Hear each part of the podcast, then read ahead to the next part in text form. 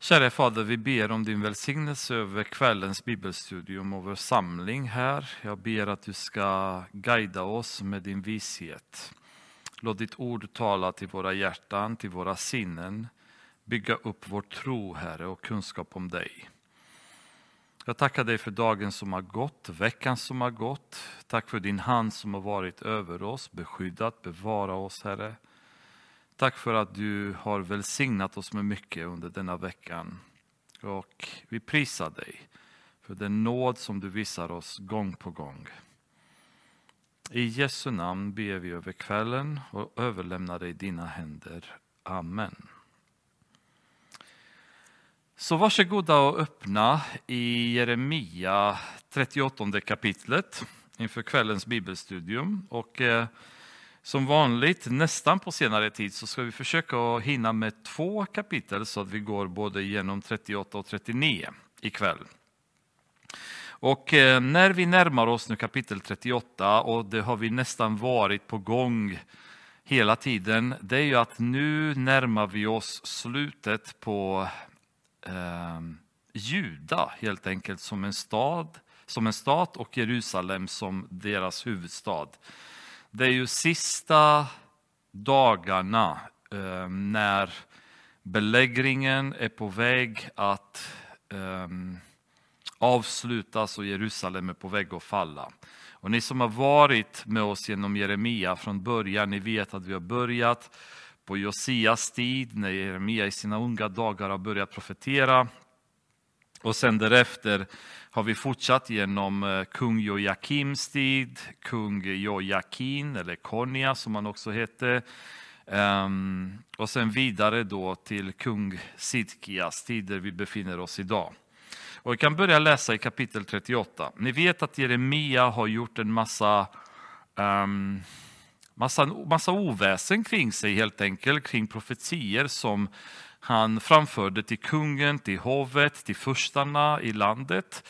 Eh, raka budskap från Gud som inte riktigt eh, gick hem. De var inte speciellt förtjusta i att höra vad han hade att säga. De hade fängslat honom, hotat honom, eh, varit ganska hårda mot honom. Eh, och eh, Jeremia har ändå vägrat att ge upp. Han fortsätter då framför de budskap som Gud lägger på hans hjärta. Och i eh, kapitel 38 så ser vi lite grann reaktionen från etablissemanget kring de senaste profetierna som eh, ni har hört i kapitel 37 och 36 och så vidare tidigare. Sefatia, Matans son och Gedalia, Pashurs son och Jukal, Selemias son och Pashur, Malkias son hörde vad Jeremia sade till allt folket. Så säger Herren, den som stannar kvar i denna stad kommer att dö genom svärd eller hunger eller pest. Men den som ger sig åt kaldéerna ska få leva. Ja, han ska vinna sitt liv som ett byte och få leva. Till så säger Herren, denna stad ska överlämnas åt den babyloniske kungens här och han ska inta det. Så ni kommer ihåg då att eh, just nu så befinner sig Jerusalem under belägring. En belägring som påbörjades um, utav kung Nebukadnessar i hans sista anfall mot Juda då efter att han tidigare hade anfallit Juda två gånger förut. Eh, så, så är det sista anfallet nu mot Juda. Belägringen har pågått ett tag. Jeremia under hela den här perioden har sagt till folket att de ska sluta försöka kämpa mot babylonierna. De ska överlämna sig åt babylonierna. För då kommer deras liv sparas, staden kommer sparas, murarna kommer inte rivas, staden kommer inte förstöras. Eh, folket kommer förlora helt enkelt sin frihet. Ehm, men det var straffet för den synd som de hade begått, som Jeremia hade pratat emot. Men de kommer rädda sitt liv och de kommer rädda staden. Eh, och Jeremia har ju profeterat detta hela tiden. Men i vers 4 så sade förstarna till kungen, den här mannen bör dödas. Han gör ju soldaterna som lämnats kvar i staden, liksom allt folket i övrigt, modlösa genom att tala så till dem. Han söker inte folkets välfärd utan dess ofärd. Så förstarna menar på att Jeremia egentligen eh, försvagar folkets eh, förmåga att göra motstånd till babylonierna. De vill att folket ska vara optimistiska, de ska vara taggade att försvara staden. Och Jeremias ständiga profetier, hans rop i, i, vid templet, på gatorna, i stadsportarna genom eh, åtskilliga år till och med, har blivit ett problem för de här furstarna som upplever att detta försvagar folkets förmåga och vilja att kämpa.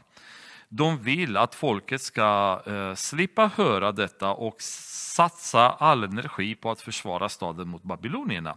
Och I normala fall så skulle detta vara rimligt att man förväntar sig agera på det sättet. Man vill inte överlämna sig åt fienden. Det är bara det här är inte en normal situation. Det här är en situation då Gud har redan beslutat att Juda kommer överlämnas till Babylon som ett straff för den det synd som hade rått i landet. Och ni kommer ihåg, vi har pratat om jubelåret, sabbatsåret, eh, synden att inte fria slavarna och så vidare som var bland annat orsakerna till att Gud hade bestämt. Detta var ett beslut som var seglat, det var klart, det var ingen mer återvändo.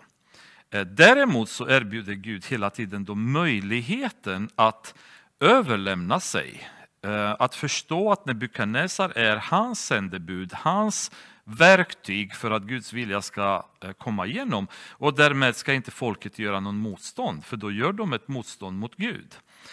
Och det är det som furstarna inte riktigt uppfattar eftersom de tänker kanske bara militärt eller statsmannaaktigt men inte förstår eller inte vill förstå att nu är det något helt annat. Gud har bestämt och det är det Jeremia pratar om. Det är ingen idé att försöka att kämpa för att då kommer ni bara bli dödade, staden kommer förstöras, brännas ner och ni kommer släppas iväg till fångenskap i Babylon. Så det är bättre att ni överlämnar er åt kung Nebukadnessar, accepterar hans styre över landet och så behåller ni era liv då för att göra det. Men det intressanta dock är, är att kung, eh, äh, förstarna anklagar Jeremia att han inte söker folkets välfärd utan dess ofärd. Och det är väl väldigt märkligt när man läser Jeremia från början tills nu, hur mycket denna man har försökt um, med mycket som har kostat honom, alltså som i personliga livet som han har levt, alltifrån eh, hälsa till välstånd och rykte i staden. Han har gett upp så mycket i hans liv för att kunna få fram Guds budskap Eh, utav ren omsorg för folket. Han ville rädda folket. Han ville hela tiden eh, förklara för folket att de var på väg till eh, förstörelse, på väg till avgrunden och försöker ända in i sista timmen att hjälpa dem, att dra dem från avgrunden så de inte kollapsar som nation utan försöker att rädda dem. Men han anklagas utav furstarna att han vill ha vill, vill, eh, han kämpar emot folkets välfärd. Han vill inte ha folkets bästa. Och Det är en väldigt märklig och orättvis situation när personer som lever ett gott liv, som följer Gud, är gudfruktiga människor och följer Gud i det de gör i sina liv ändå blir många gånger anklagade utav sin omgivning för just motsatsen, att de är elaka människor. Människor som är kärleksfulla och hjälpsamma får något, någon helt annan stämpel från andra människor runt omkring sig. Och man, man blir kanske väldigt besviken ibland när man känner att jag gör det jag känner är rätt. Jag känner att Gud leder mig att göra detta. Och så får man så mycket kritik, man får så mycket motstånd, man blir falskt anklagad. Och innerst inne i ens hjärta så vet man att jag vill bara göra rätt. jag har inga elaka intentioner med detta. Jag har ingen egen vinning i detta. Jag har inget prestige i detta. Jag vill bara det, göra det som Gud har lagt på mitt hjärta, det som Gud har talat om för mig att jag ska göra, eller det som Gud har talat om för mig att jag ska säga.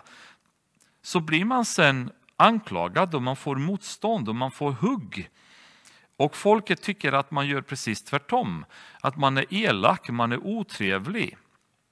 Och det måste vara en svårighet för en, en sån person som följer Gud att hela tiden möta det här motståndet från, omgivningen. Det är väldigt många pastorer och församlingsledare genom åren som har behövt gå igenom ehm, sådana situationer där eh, många gånger folk i församlingen har huggit i dem, har slagit i dem, har eh, pratat bakom ryggen på dem, har skapat falska rykten om dem samtidigt som de har vetat hela tiden att vi gör rätt, vi gör det som Gud har lagt på vårt hjärta. Um, och det är ju lite sorgligt när det, när, när det händer. Uh, och vi som kristna bör vara väldigt noga när vi ser på saker och ting, att alltid ha Gud i perspektivet. Innan vi rusar och säger att någon gör fel eller någon säger fel, så måste vi verkligen förankra den åsikten med Gud. Eh, för det händer att folk gör fel. Det händer att det finns falska profeter som vi har pratat om tidigare. Och då kan det vara bra att vi är vaksamma och identifierar och, och, och isolerar de här människorna för att inte förstöra andra. Då. Men likväl när det är tvärtom, när vi själva kanske lever i synd, vi har börjat avlägsna oss ifrån Gud, eh, så att vi börjar tolka det som andra gör gott som att det skulle vara något fel. Detta har spridit sig också kan man säga i världen väldigt mycket där när församlingen kommer och står för vissa principer så anklagas vi för att vara onda. Eh, om idag till exempel en församlingen kämpar för att bevara den heliga kärleksrelationen mellan man och kvinna som Gud har instaurerats sedan världens skapelse så eh, anklagas då församlingen för att vara en motståndare till kärlek. Så kyrkan idag, om ni tittar i media och i samhällets syn, eh, så ser man på kyrkan som någon som hatar när människor älskar varandra. Därför att församlingen står för det som Gud har lagt som äkta kärlek mellan en man och en kvinna. Och då anklagas man att man är emot kärlek, man är emot till exempel eh, eh, homosexualitet, homofober därför att man står för man och kvinna relation, vilket är ju den riktiga relationen som Gud har skapat. Om man kämpar för människans rätt att leva, vilket är egentligen någonting som i teori de flesta håller med om, Dock, eh, om vi säger att det är rätt att barn ska bli födda, barn ska inte dödas genom abort, då är plötsligt kyrkan målad som en kvinnofientlig organisation. Vi är hatare av kvinnor därför att vi kämpar för att de här små varelserna ska få rätt att leva. De ska inte dödas, de ska inte slaktas innan de ens har fått möjlighet att komma ut ur moderlivet. Men då blir kyrkan en kvinnohatare.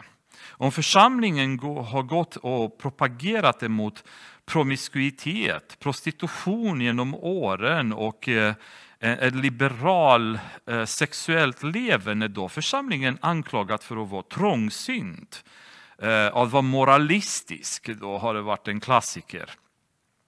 Så församlingens försök att göra gott i samhället blir oftast motarbetat och då blir man svartmålad som en hatare, elak, eh, trångsynt, eh, icke-inkluderande, vi gillar inte mångfald och diversifiering av beteenden och så vidare.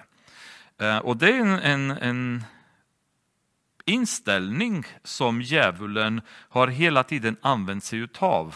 Han, Han använder sig av vad man kallar inom psykologi och psykiatri projektion.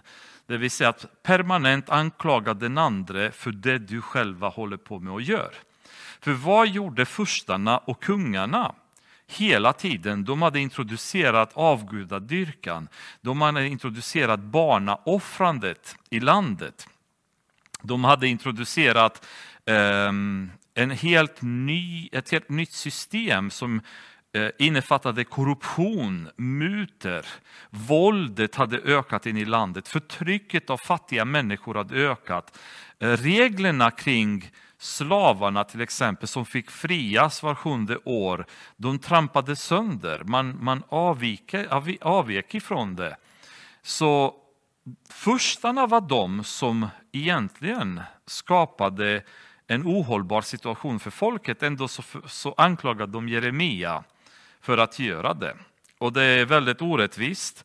Men även idag så kan man säga att dagens furstar, många av samhällsledarna idag, vare sig vi pratar politiker, eh, vi pratar media eller eh, stora företag och så vidare, så ser vi hur de idag också många gånger promotar eh, korruption och det skapas raskonflikter i samhället. Man uppmuntrar till perversiteter, Ehm, bryter sönder familjer och försöker att experimentera med familjeförhållanden i landet så att barnen växer utan identitet och osäkra och eh, sköra i psyket på grund av, av förstörelsen av familjen bland annat.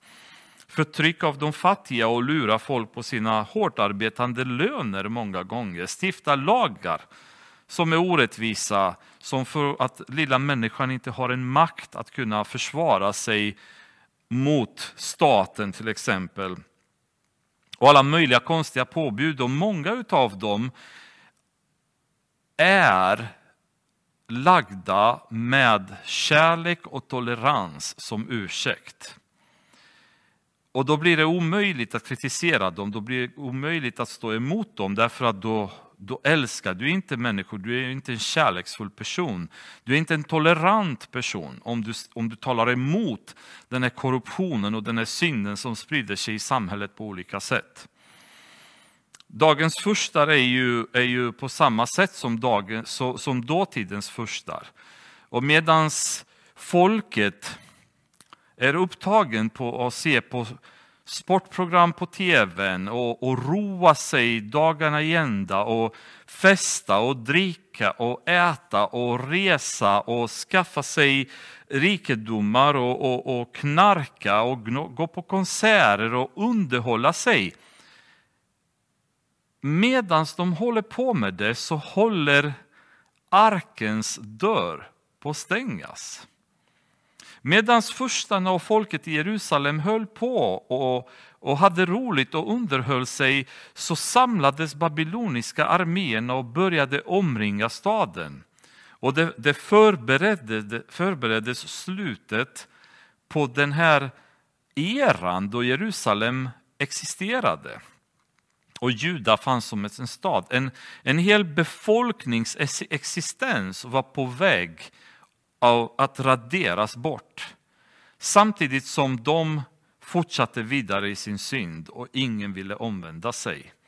Däremot så talade de illa om de som påpekade att det fanns problem i nationen, att det fanns förbättringar som behövde göras. Och jag tycker att även eh, om vi bortser från världen, för människor som inte tror på Gud, som inte är intresserade av att ha med honom att göra. De är okunniga, de rusar mot avgrunden, de är på väg till helvetet samtidigt som de röker, dricker, festar och har roligt. Men vi som församling borde förstå bättre.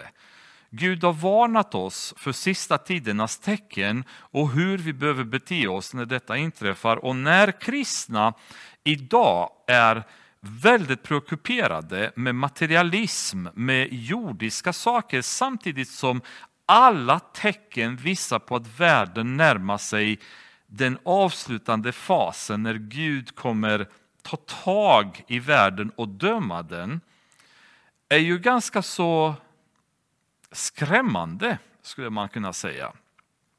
Att vi själva som kristna inte förstår bättre.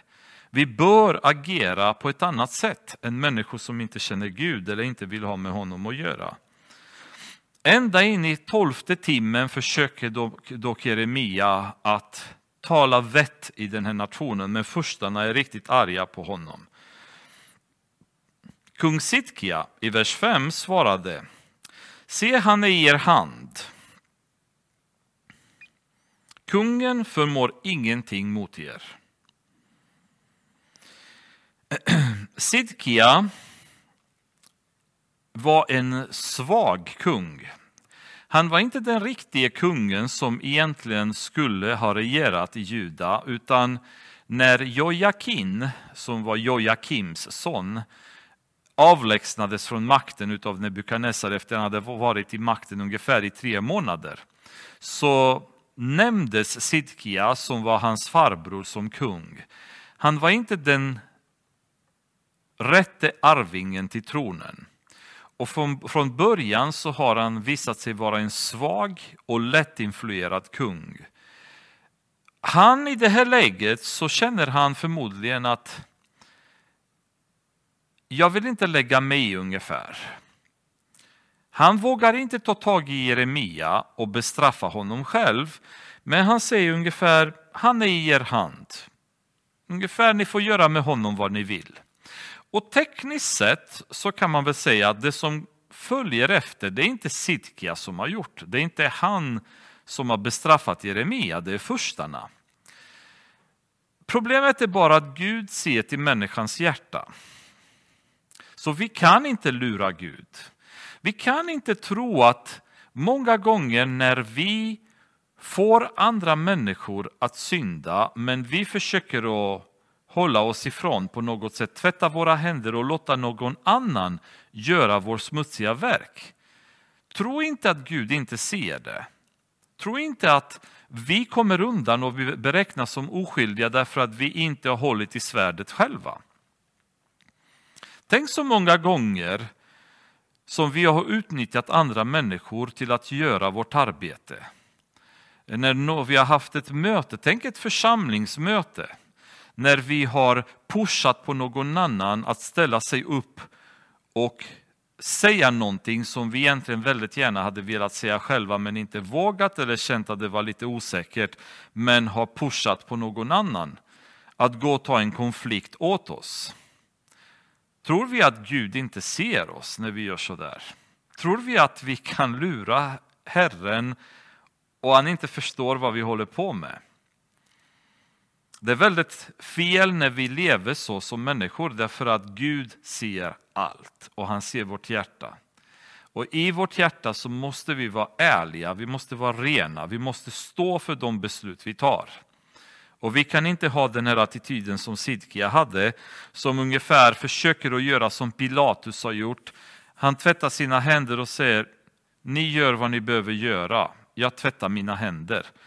Du har lika mycket skuld i det här fallet som de som har gjort det.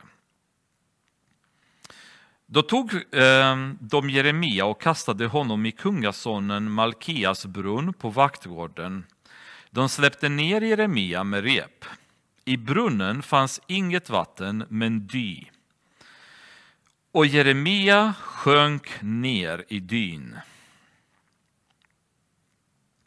Nubien Ebed-Melek, en hovman som befann sig i kungens hus medan kungen uppehöll sig i Benjaminsporten, fick höra att de hade sänkt ner Jeremia i brunnen.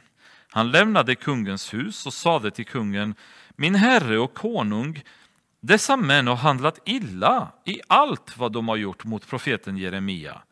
De har kastat honom i brunnen och där kommer han snart att svälta ihjäl. Det finns ju inte längre något bröd i staden. Så för i Jerusalem och Israel så, så hade eh, folk som cisterner som de grävde ner i klipporna där de samlade vatten och det fanns oftast en relativt liten öppning men sen var det som en stor cistern i, i stenen där, där vattnet samlades och på så vis så kunde de ha tillgång till färskt vatten. Och i en sån liknande typ av brunn förmodligen slängdes Jeremia och på botten så var det bara dy så att han sjönk ner i dyn. Så jag föreställer mig honom ganska utmällad vid det här laget, en relativt gammal man under en period då staden har befunnit sig under beläggning och svält eh, finns överallt i staden och de slänger honom ner i brunnen med väldigt lite krafter kvar i hans säkert väldigt sköra kropp. Och den här nubien eh, förstår situationen och han, han, han känner liksom att vi kan inte vi kan inte behandla honom så där. Och han går till kungen och ber kungen om hjälp att ta ut Jeremia ur brunnen. Då gav kungen denna befallning åt Nubien, Ebed-Melek, ta med dig 30 män härifrån och dra upp profeten Jeremia innan han dör. Och här kan man ställa sig frågan varför 30 män för att dra upp Jeremia? Och troligen var det så att kungen var rädd att furstarna kommer stå emot Nubien. Och för säkerhets skull så skickade han säkert en extra eh, vaktpatrull kan man väl säga med dem så att de backar dem när de ska ta upp Jeremia.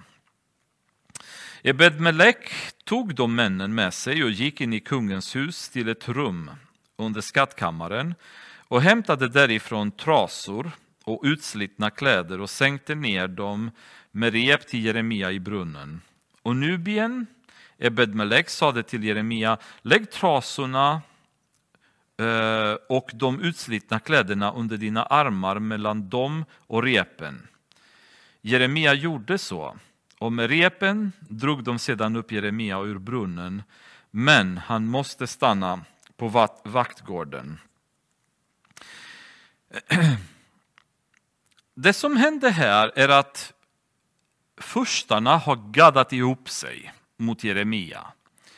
Och det finns en lite upprorisk stämning bland dem. Det har funnits tidigare eh, under flera tillfällen, både furstarna, prästerna, profeterna, de falska profeterna, folket i staden ehm, under flera tillfällen till och med har velat döda Jeremia eller hotat med att de skulle döda honom. Så det finns en, en massa människor med makt som rusar åt ett visst håll för att göra ont. De är ledda utav djävulen och inte utav Gud och de vill göra ont. Och det finns en, en svårighet att kunna vara en stark Guds man i en miljö som är djupt syndigt. Det är väldigt svårt att göra motstånd när alla runt omkring lever i synd. När alla skriker och gapar och vill någonting så är det väldigt svårt att resa sig och stå emot. Och det är väldigt fascinerande att den här Nubien utav alla, han vågar stå emot. Han vågar ta upp det här och säga det här kan vi inte göra. Och han går till kungen, han tar upp det med kungen, han konfronterar honom och får igenom en lösning för problemet. Men för att göra detta så krävs det mod för en människa, för att gå emot furstarna. Och uppenbarligen så fanns det ett hot, det är därför de 30 männen som kom med honom behövdes. Därför att det fanns en fientlighet mot Jeremia. Folk ville döda honom på grund av att han var så jobbig. Men en som Sidkia, han väljer att fly undan. Han vågar inte ta de här konflikterna. Han är rädd för furstarna att gå emot dem. Så han väljer istället att gå undan. Och i Sitkias attityd gentemot Jeremia så märker vi, märker vi att det fanns ett visst förtroende, en viss förståelse, en viss vilja någonstans i djupet av Sitkias hjärta att tro på Jeremia eller att vilja göra som Jeremia sa. Men människorädslan är det som begränsar honom, som stoppar honom hela tiden, bland annat. Och eh, när vi befinner oss i situationer när stora mängder människor rusar mot något som inte är Guds vilja, man rusar åt fel håll, så är det väldigt många som inte håller med innerst inne med de åsikterna. Men man hänger ändå med. Man, man har svårt att kämpa emot och man glider med resten. Men det finns en konflikt i ens hjärta som känner att det här känns inte rätt. Men man vågar inte säga emot. Man vågar inte vända sig och gå åt andra hållet och då flyter man iväg med strömmen av folk som gapar och skriker och propagerar något väldigt ont. Eh, sen har man människor som, som inte heller vågar ingripa eh, när man ser synden öka. Och, och, därför är det faktiskt väldigt svårt när man är själv som kristen i miljöer där alla andra är okristna. När man är själv kristen i en klass i skolan bland eh, 20 eller 30 andra elever och du är själv kristen och du ska stå för din tro och du ska leva ut din tro på rätt sätt. Det är väldigt tufft. Det är ett otroligt stort tryck till att du ska bli som alla andra. Till att du ska smälta in i degen av ogudaktighet som alla andra människor håller på med. Och synden blir så stark. Man kan vara ensam kristen på en arbetsplats. Och vissa arbetsplatser är svårare än andra. Det finns de råare arbetsplatserna där det svärs mycket, det dricks mycket, det pratas mycket vulgärt och så vidare. Och så finns det arbetsplatser där de är intellektuellt väldigt krävande. Du kan vara i en forskarkår eller lärarkår där alla människor som är med är eh, väldigt fina humanister och ateister och intellektuellt argumenterar hur dumt det är att tro på Gud. Och där befinner du dig som kristen. Och du vet att om jag lever ut min tro, om jag börjar stå och tala om för dem vad jag tycker och hur jag står i min relation med Gud, de kommer se mig som en idiot. De kommer skratta åt mig. För att i deras värld är detta ren idioti att tro på Gud. Och där finns jag ensam kristen bland alla dessa människor. Och människorädslan är ju ett problem för många som befinner sig i det här. När jag var i militären så hade jag precis avslutat bibelskolan och hade kommit från bibelskolan packad med kunskap om Gud, med eh, andliga upplevelser och man gick som på moln. Och sen kom man till militären. Och från första dagen i militären så var chocken så enormt stor från det liv jag hade levt innan på ett slott i Österrike eh, med kristna människor från hela världen där vi sjöng kristna sånger och vi hade andakter och vi bad för varandra och vi hade bibelstudier och man bara upplevde himlen på jorden. Jag hade dessutom blivit kär på bibelskolan också som gjorde allting ännu roligare. Och sen därifrån så hamnar jag i den gloriösa rumänska armén med svordomar, med spark, med bestraffningar, med brist på sömn, med allt som du kan tänka dig. Så att på två veckor, på två veckor så var min tro som jag hade byggt under ett helt år på bibelskolan mer eller mindre totalt raserad. Inte i den bemärkelsen att jag förnekade Gud eller inte trodde på honom, absolut. Det har aldrig hänt i hela mitt liv att jag inte gjort det.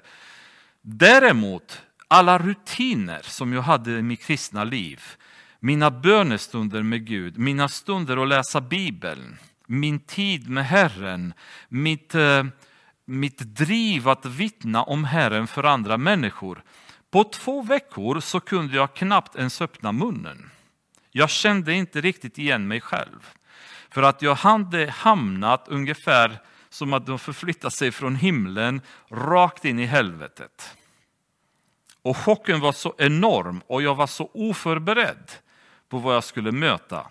Så det tog mig väldigt, väldigt lång tid innan jag började hämta upp mig och började öppna munnen och började vittna för mina kompisar där på, i militären. Och jag upplevde mig så svag, så dålig som kristen. Eh, och sen en dag, en av mina eh, kamrater där, han säger till mig, jag tycker det är helt fantastiskt att, att lyssna på dig när du pratar, för att det känns som att det är så speciellt. Och jag tittade på honom som att, vad, vad pratar du om? Om du bara visste vad lågt jag känner mig i min relation med Gud just nu. För jag, jag bara kände att jag hade nått den absoluta botten i min relation med Gud. Men den här lilla gnistan av ljus som fanns kvar var ändå tillräckligt för att skapa ett ljus i en fullständigt mörk värld som man befann sig i. Och som kristen, när man befinner sig i de här situationerna så måste man vara förberedd och hålla sig nära Gud. För att annars blir man fullständigt krossad. Jag hade inte varit beredd. Jag hade tänkt att eh, nu har jag lärt mig så mycket och det här ska bli en dans på rosor att predika om Herren för massa soldater. Och på två veckor så hade de krossat mig. Det tog väldigt lång tid att återhämta sig andligt efter det året i militären. Men tänk så många som går igenom sådana perioder. Folk, kristna människor till exempel, vet jag kanske i Sverige som har tagit värvning inom försvar, polis, alltså de är hårdare delarna av samhället där de möter mycket hårt, mycket jobbigt, kollegorna är tuffa kanske. Jättesvårt att behålla sin tro. Eh, folk som jobbar på fabriker där det råder hård jargong och, ehm, och det är liksom tuff miljö. Väldigt svårt att kunna behålla sin tro. Ehm, kristna som har hamnat i fängelse till exempel för sin tro ibland i andra länder, de, de har det väldigt kämpigt att fortsätta att behålla sin tro när de befinner sig i det råa Eh, fängelselivet. Det är ju oerhört tufft att du som kristen i den miljön ska kunna vara ett ljus för Gud. Det blir väldigt svårt, men det är inte omöjligt. När hela hovet och furstarna hade rest sig emot Jeremia, när själva kungen darrade av rädsla och vågade inte ta ett beslut, så reser sig en man och säger det här är inte okej. Okay. Han är beredd att ta konsekvenserna därför att det här är inte rätt. Vi kan inte stå för detta, vi kan inte acceptera detta. Och det är sådana män som är underbara när man har sådana i en församling. Så när församlingar håller på att gå mot ett syndigt levande, när falska, falska doktriner kryper in i församlingar, när det reser sig en man, en kvinna i församlingen och säger det här är inte okej. Okay. Det här är inte Herrens vilja. Och det finns människor i vår församling som genom åren har gjort det och har fått väldigt mycket stryk av kanske andra församlingsmedlemmar för att de har stått fast och sagt det här accepterar vi inte. Men vad tacksam jag är att de har funnits idag. Att vår församling har kunnat hålla sig ren från föroreningar som har förorenat andra församlingar, schismer som har drabbat andra församlingar, doktriner som har krypit in och förstört människornas tro. Det har funnits människor som genom åren har stått fast vid tron och sagt Ända hit kommer ni, men genom församlingsdörrarna så får ni inte komma. I vår församling är det inte utrymme för den typen av synd, för den typen av doktrin. Det är fantastiskt när människor också tar sig an folk som är förföljda, som har det jobbigt. Jag tänker folk i vår församling som har en fantastisk öga för människor i nöd. Som när de går igenom svårigheter säger det här är inte okej, okay. vi måste dit och hjälpa till. Vi måste ta tag i detta. Och det är ju en, en, inspiration och en välsignelse för oss som församling när vi har sådana människor bland oss. För det taggar oss alla. När en reser sig så kan en till komma på tanken att just det, det, jag, det jag kände också så här, men jag vågade inte, men nu vågar jag för att någon annan har tagit beslutet. I Matteus kapitel 26 Ni kommer ihåg att när Jesus tillfångatogs så befann de sig på en gård, om det var templets gård eller prästernas gård någonstans. Och eh, Petrus hade följt efter Jesus hela tiden eh, och han kom dit och medan han hängde där så plötsligt en tjänsteflicka känner igen honom och säger att du är också en sån som har varit med Jesus. Och Petrus säger nej, nej, nej, det har jag inte varit. Och Eh, tre gånger eh, förnekar han att han har varit med Jesus. Alltså miljön var väldigt fientlig. Det var människor som var fientliga till Jesus. Han blir identifierad som en av de som har varit med Jesus. Och vad händer med Petrus? Han blir rädd. Och i sin rädsla, den panik som han får över under stundens hetta, så förnekar han Herren tre gånger. Herren hade varnat honom dessutom att han skulle göra det. Och istället för att Petrus ska ta den här varningen och börja ta det på allvar, bygga upp sig själv, få kraft från heliganden så att han kunde kämpa emot synden och frestelsen och rädslan, så glömmer han bort Jesu varning. Och så tre gånger så säger han att han inte känner Herren. Han blir bruten därefter. Han blir förkrossad när han inser vad han har gjort och han gråter och går därifrån. Han blir senare återupprättad av Jesus, vilket är helt fantastiskt. Att det fanns en sån nåd hos Herren att ta upp Petrus från den här brutna situationen och göra honom som församlingens ledare. Men det här trycket från en stor grupp av människor som propagerar för ondska och är drivna att ondska har gjort att han blev rädd och syndade och förnekade Herren tre gånger. Och hur många av oss inte känner igen oss i det här beteendet? Att vi har under situationer eh, när vi har befunnit oss i, i ett sårbart läge, i en ensam situation mot en grupp av människor, har vi backat från vår tro. Eller har vi maskerat vår tro? Har vi undvikit att visa vår tro? Känner vi igen oss i detta? Jag tror att många av oss har befunnit oss i sådana situationer när vi har upplevt att vi inte har representerat Herren på rätt sätt. Vi har varit för rädda helt enkelt att göra det.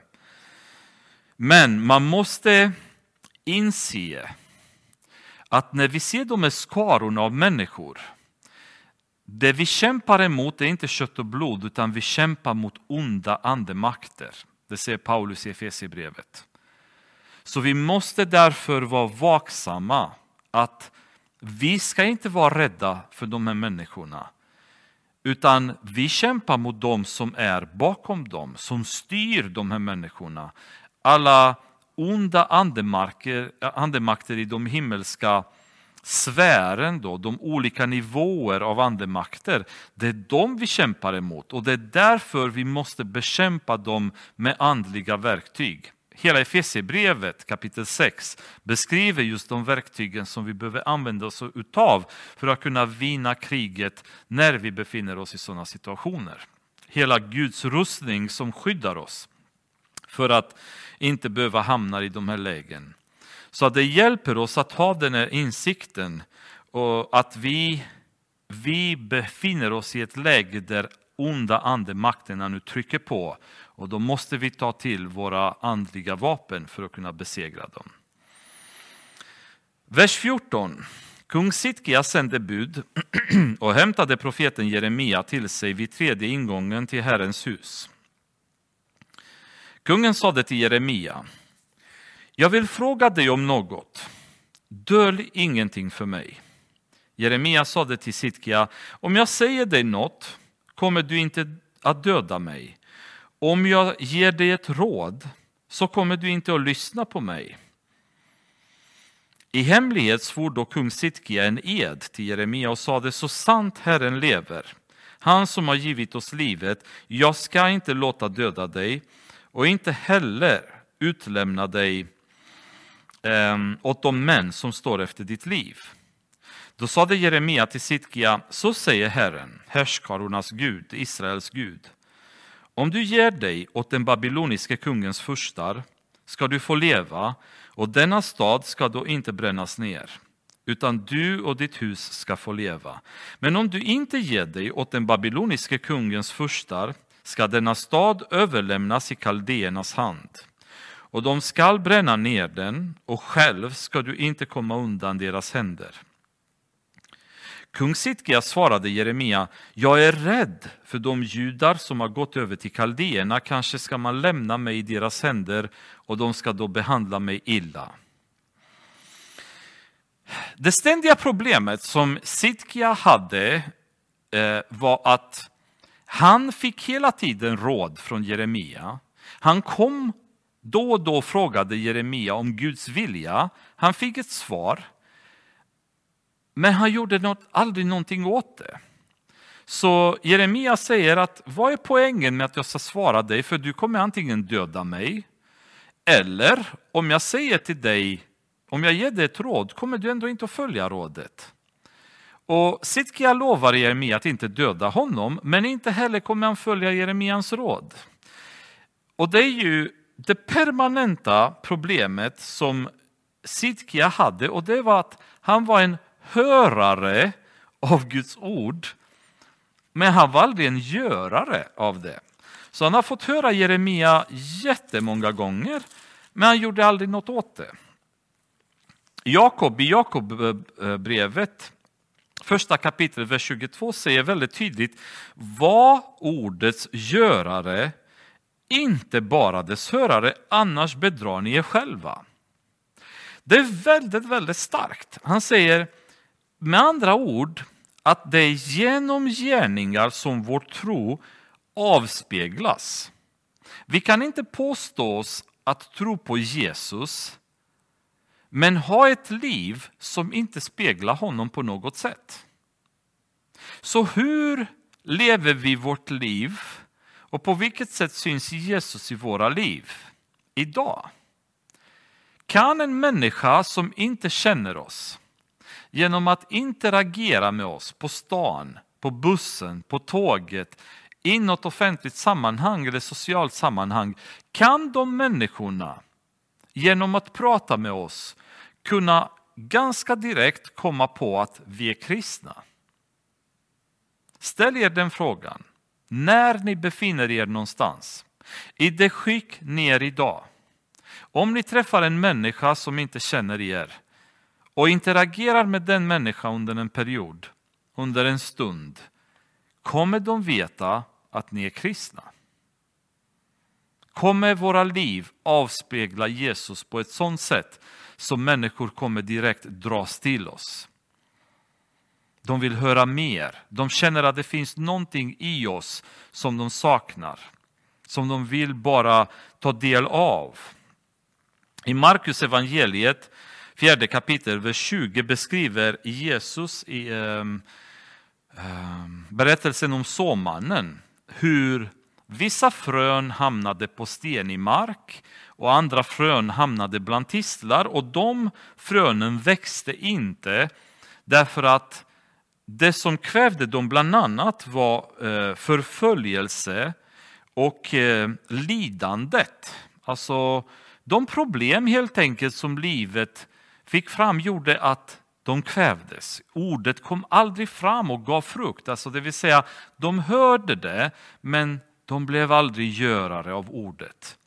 Medan eh, i Markus evangeliet vers, eh, kapitel 4, vers 20, där beskriver Jesus de som hamnade rätt, alltså de frön som, eh, som landade rätt. Det står så här, men de hos vilka säden faller i god jord. Det är de som hör ordet och tar emot det och bär frukt trettiofalt och sextiofalt och hundrafalt.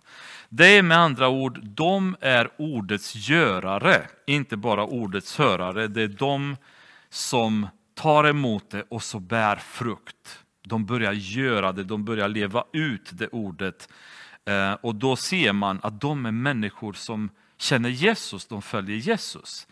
Ehm, deras gärningar speglar deras tro. Tron kommer inte genom gärningar, men gärningarna är ett, ett bevis på vår tro. Vår tro uttrycks genom goda gärningar som vi gör. Och det är viktigt att de här gärningarna syns. Sidkia hade hört hela tiden ordet, men han gjorde aldrig det som Jeremia sa till honom att han skulle göra. Och det är människorädslan bland annat som hela tiden stoppade Sidkia just från att följa Guds vilja. Han var rädd för människor. Han var mer rädd för människor än han var rädd för Gud. Han var rädd för furstarna och han, i det fallet var han rädd för avhopparna. Så många eh, judar, judar har redan flytt Jerusalem eller områden i Juda och överlämnat sig åt kaldéerna. Och nu säger Sidkia, jag är lite rädd för de här. Det kanske var motståndare till honom, det var folk som inte höll med hans politik. Så han var rädd att de kommer nu få möjlighet att ge sig på honom. Eh, så han hade en rädsla för människor och tänk hur många människor hålls ifrån att vända sig till Herren på grund av människorädsla. Det är så många idag som innerst inne har en känsla av en tro på Gud. De är inte emot Gud om man säger så. De känner att de skulle vilja. Det finns något i det som en del säger. Men rädslan för vad familjemedlemmarna skulle säga om dem. Rädslan för vad deras väldigt goda kompisar skulle säga. Rädslan för vad olika arbetskamrater kommer säga håller dem ifrån ett beslut att följa Jesus.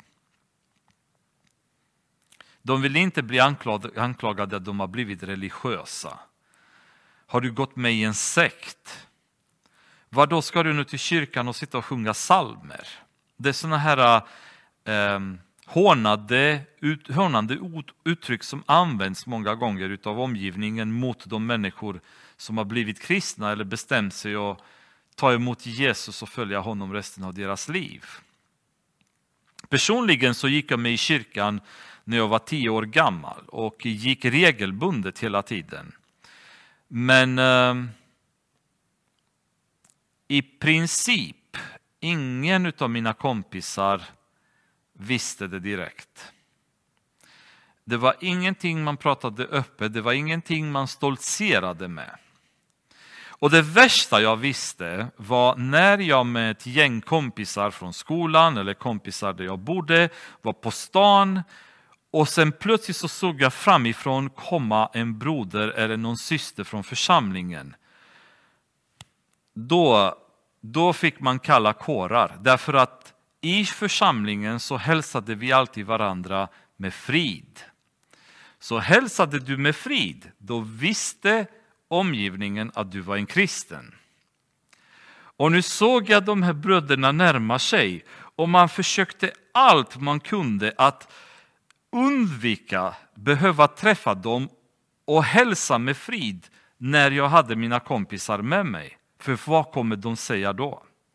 Så många gånger gick man över gatan för den andra trottoaren, man råkade vända huvudet åt ett annat håll och prata precis när de passerade så att man inte såg dem alla möjliga tricks. Men ibland så kunde man bara inte undvika. Och då tog man deras hand och sa något så här, frid, det knappt hördes, lite försiktigt, hoppas att de andra inte hört. Vad sorgligt! Vad sorgligt! När vi som kristna skäms för vår tro. När vi som kristna skäms för Jesus. Har ni varit med om att ni har varit på jobbet och fått, trots att hemma så sitter vi vid matbordet och som familj ber över maten innan vi äter tillsammans, om Guds välsignelse över maten. Men gör vi det på jobbet, när arbetskamraterna sitter runt omkring? Har ni tänkt på det? Lever vi vår tro på jobbet så som vi gör det hemma? Jag har varit med i sammanhang med andra kristna när vi ska sätta oss och äta och man ser hur folk börjar skruva sig i stolarna. För ingen riktigt på något sätt vill be och bara känner vi är alla kristna. Det vore naturligt att vi ska be för maten. Ändå så är det onaturligt. Det är väldigt märkligt att vi skäms över vår tro. Vi skäms för Jesus. Och det är ju väldigt tragiskt att vi gör det. Situationen när man befunnit sig på ett möte och man känner hur Gud driver en fram till att överlämna sitt liv till Jesus. Och det är så många människor som utav människorädsla har vänt på klacken och gått ur kyrkan och aldrig träffat Jesus. Har fått möjlighet att ta emot honom och bli frälsta och vänt sig och gått ut utav människorädsla. Människorädslan håller väldigt många människor ifrån frälsning. Man sitter ibland i församlingen, man sitter i sammanhang och det bara känns som att Gud driver, nästan pushar en framåt. Ni kommer ihåg Emmaus-vandrarna efter de hade pratat med Jesus och de beskrev, brann inte våra hjärtan när han talade med oss? När man känner den här elden från Gud som driver en fram till att göra en god gärning, men man vågar inte för att man är rädd. Det är väldigt tragiskt. I Lukas evangeliet, nionde kapitel, vers 26 säger Jesus, de som skäms för mig och mina ord, honom ska Människosonen skämmas för när han kommer i sin och sin faders och de heliga änglars härlighet. Om vi skäms över honom, då kommer han skämmas över oss när vi kommer stå inför honom. Man kan läsa mycket Bibeln, man kan citera väldigt mycket Bibeln. Man kan eh, ha väldigt mycket kunskap från Bibeln. Man kan läsa massa kristna böcker. Man kan vara med på alla gudstjänster och lyssna på predikningar och bibelstudier och allt möjligt. Men så länge man inte är en görare så kommer man ingenstans och enligt Jakob då bedrar man bara sig själv. Att höra och inte göra räcker inte. Vi måste bli görare av ordet och inte bara hörare. Sidkia var en sån och Jeremia säger bara, vad är poängen? Du kommer ändå inte göra något. Men han var rädd att han skulle bli um, bestraffad av de som hade flytt till babylonierna. Men Jeremia svarar och säger, de skall inte utlämna dig. Lyssna nu till Herrens röst i det jag säger till dig så ska det gå dig väl och du ska få leva. Men om du vägrar att ge dig är detta vad Herren har uppenbarat för mig. Se, alla de kvinnor som är kvar i Juda kungs hus skall då föras ut till den babyloniske kungens furstar. Och kvinnorna ska säga, dina vänner svek dig och de fick makt över dig, dina fötter fastnade i dyn, de drog de sig undan. Då drog de sig undan. Så dina vänner svek dig. De är furstarna, det är de som har lett dig till katastrof. Alla dina hustrur och barn ska man föra ut till kaldéerna och själv ska du inte komma undan deras händer utan gripas av den babyloniska kungen och denna stad ska brännas ner. Då sade Sitkia till Jeremia, låt ingen få veta vad vi har talat om här, så ska du inte dö och om furstarna får höra att jag talat med dig och de kommer till dig och säger Låt oss få veta vad du har sagt till kungen. Döl ingenting för oss så ska vi inte döda dig. Säg oss också vad kungen har sagt till dig. Då ska du svara dem, jag bönföll inför kungen att han inte skulle skicka mig tillbaka till Jonatans hus för att dö där. Alla furstarna kom till Jeremia och frågade honom, men han svarade dem aldrig som kungen hade befallt honom. Då teg de och gick ifrån honom eftersom ingen hade hört vad som hade sagts. Men Jeremia fick stanna på vaktgården ända till den dag då Jerusalem intogs och han var där när Jerusalem intogs. Så kungen var ett beslut från att rädda sig själv, att rädda sin familj, att rädda furstarna, att rädda folket och att rädda staden. Jeremia säger överlämna dig. Det är inte så att babylonierna inte kommer inta staden, det är bestämt. Det kommer ske. Men ditt beslut att överlämna dig kommer rädda dig och folket och staden. Eh, Sidkia behövde bara säga ja, så hade han räddat alla. En enda människas beslut kunde ha betytt så mycket för så många människor.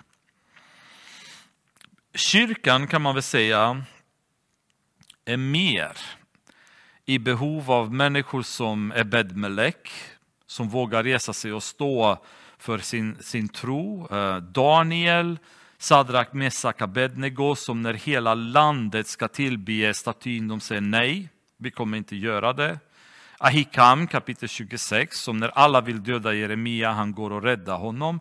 Det är sådana människor som vi behöver i församlingen. Det är de som, som Gud vill ha och, och styrkan för att kunna stå emot de här massorna kommer från Herren. Efesierbrevet 6, vers 10 säger till sist bli starka i Herren och i hans väldiga kraft. Det är därifrån vi får styrka att kunna stå emot massorna när de alla vill åt fel håll. I Sitkia, kunga, eh, Sitkia judakungs nionde regeringsår i tionde månaden kom Babels kung Nebukadressar med hela sin här till Jerusalem och belägrade det. Så ungefär belägringen kan man säga varade i cirka ett och ett halvt år. Då. Eh, för i Sidkia, vers 2, Sidkias elfte regering, regeringsår på nionde dagen i fjärde månaden trängde de in i staden. Då kom alla, den babyloniske kungens furstar, och slog sig ner i mellersta porten, nämligen Nergal Sareser, Samgar Nebo, Sarsekim, överste hovmannen, Nergal Sareser, överste magen och alla den babyloniske kungens övriga furstar. Nergal Sareser, han den eh, överste magen, är den som senare efter eh, Nebukadnessar dör så kommer hans son Evilmer och Dax som blir kung och efter honom så kommer eh, han Nergal-Sareser här, den överste magen, som blir själv kung i Babylon, regerar i cirka 3-4 år och är gift med en av Nebukadnessars döttrar. Då. Så det här var ju tunga killar som nu kom in i, i staden då, Eh, för att inta det. När Sitkia, judakung, med allt sitt krigsfolk fick se dem flydde de och drog om natten ut ur staden på vägen mot den kungliga trädgården genom porten mellan de båda murarna. Han tog vägen bort mot hedmarken. Men kaldéernas här förföljde dem och han upp Sidkia på Jerikos hedmarker. De tog honom och förde honom till Nebukadressar, kungen i Babel, i Ribla i Hamats land. Ribla är ungefär 50 mil ifrån Jerusalem. Så Nebukadnessar hade som en slags fältkommando där i Ribla. Eh, så att det var en lång väg som de släppte Sitkia sen för att eh, komma inför Nebukadnessar. Så det kan ha gått veckor emellan då tills han hamnade där. Där avkunnade han domen över honom. Den babyloniske kungen lät slakta Sitkias barn i Ribla inför hans ögon. Och alla förnäma män i Juda lät kungen i Babel slakta. På Sitkia själv lät han sticka ut ögonen och lät binda honom med kopparkedjor för att föra honom till Babel. Kaldéerna brände ner kungens hus och husen som tillhörde folket och de rev ner Jerusalems murar. Återstoden av folket som var kvar i staden, de överlöpare som hade gått över till honom och de, det övriga folket förde Nebusaradan, översten för drabanterna, bort till Babel. Men Nebusaradan, översten för drabanterna, lämnade i Judaland kvar en del av de fattiga, de som ingenting ägde, och gav dem samtidigt vingårdar och åkerfält.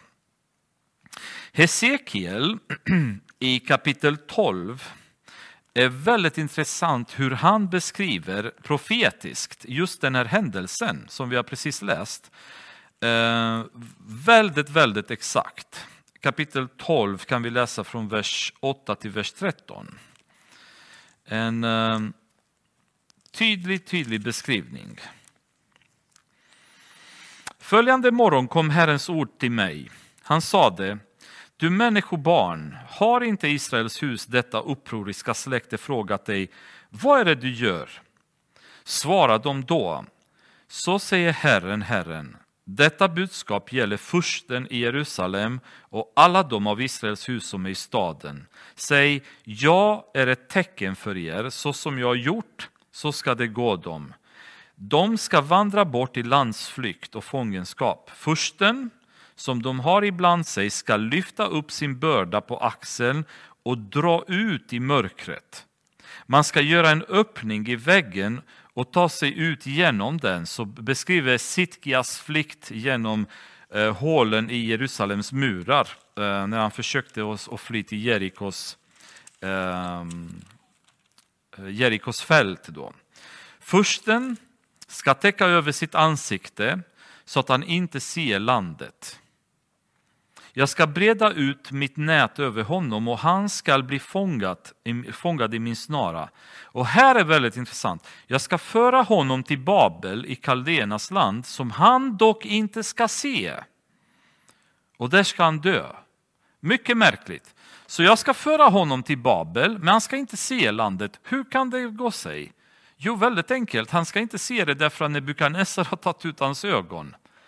Så väldigt, väldigt svår profetia att förstå kanske när Esekiel sa det, tills man ser vad som hade hänt. Han släpptes till Babylon, till Kaldéernas land, men han kunde aldrig se därför att han hade inga mer ögon.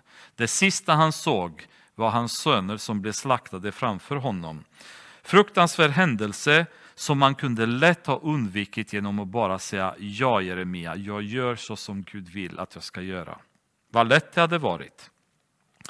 Nebukadressar, kungen i Babel, gav Nebusaradan, översten för drabanterna, denna befallning angående Jeremia.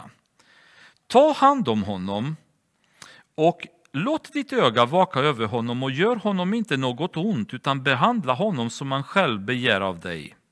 Nebusaradan, översten för drabanterna och Nebusasban, överste hovmannen och Nergal-Sareser, överste magen och alla den babyloniska kungens övriga stormän sände då bud och hämtade Jeremia från vaktgården. Så Jeremia låg ju kvar som fånge där på vaktgården när babylonierna kom in. Då. och lämnade honom åt Gedalia, son till Ahikam, Ahikam som hade hjälpt Jeremia tidigare, son till Safan, för att denne skulle föra honom hem och han fick bo bland folket. Så ordet om Jeremia måste ha spridit sig till kaldéerna och till Nebukadnessar, nämligen att Jeremia har varit den som har uppmanat folket att överlämna sig åt kungen. Så kungen var väldigt mån om att den här mannen ska inget hända. Så förmodligen var han väldigt nöjd över att Jeremia hade varit så noga med att uppmana folket att inte strida, överlämna sig, men tyvärr så lyssnade de inte på hans råd. Herrens ord kom till Jeremia medan han var inspärrad på vaktgården. Han sade, gå och säg till Nubien Ebed-Melek. Så säger Herren Sebaot, Israels Gud, se det jag talat ska jag låta komma över denna stad till dess olycka och inte till dess lycka. Och det ska ske inför dina ögon på den dagen, men dig ska jag rädda på den dagen, säger Herren. Och du ska inte utlämnas till de män du fruktar för. Ty jag ska låta dig komma undan så att du inte faller för svärd utan vinner ditt liv som ett byte därför att du har förtröstat på mig, säger Herren. Ebed-Melek hade gått emot alla andra för att skydda Jeremia utav ren lojalitet och tro på Herren. Han förtröstade på Herren och förstod att det här var det rätta, det rätta att göra. Och trots att alla furstarna sen hade mördats och slaktats inför kung Siktia så har Bedmelek, som var en, en nubie vid hovet, han fick inte vara med bland dem. Han räddades därför att Gud har sett att du har följt min vilja, du har gjort det rätta i mina ögon. Gud blir aldrig skyldig oss någonting, utan han kommer alltid betala tillbaka allt vi gör. Eh, mycket mer än vi kanske föreställer oss. Kapitel 39 um, ehm, sätter stopp för ett rike som har levt i många hundra år. De har etablerats utav David som en av mellan, ett av Mellanösterns starkaste riken, ett välsignat land som under Salomos tid hade höjts till en nivå av rikedom och framgång och um, ära som få länder någonsin har gjort. Ett land som leddes av Gud, som regerades av honom på ett teokratiskt sätt tills kungarna kommit till makten och sen fortsatt genom David och Salomo gå vidare och sen kommer förfallet. Länderna splittras, Israel blir norra riket, Juda blir södra riket. Israel faller i Assyries, assyriernas hand och nu på grund av synden så är det slutet för Juda. Det här är ju avslutande fasen på en nation. Därefter så kommer Israel aldrig riktigt bry sig själv tills 1948 när det blev ett land igen. Det har levt under styre av andra kungar, andra nationer. De har aldrig haft en egen kung därefter. Sidkia är sista kungen som har funnits. Därefter så blir det blir alla möjliga utnämnda kungar som tillhör andra nationaliteter, trosinriktningar och så vidare, ledda av alla möjliga andra styrande nationer till 1948 när de återigen etableras som nation på ett mirakulöst sätt. En sorglig historia som hade synden som orsak hela tiden och det bör vara ett varningstecken för oss alla. Och det är att synd leder till död. Det finns inget annat.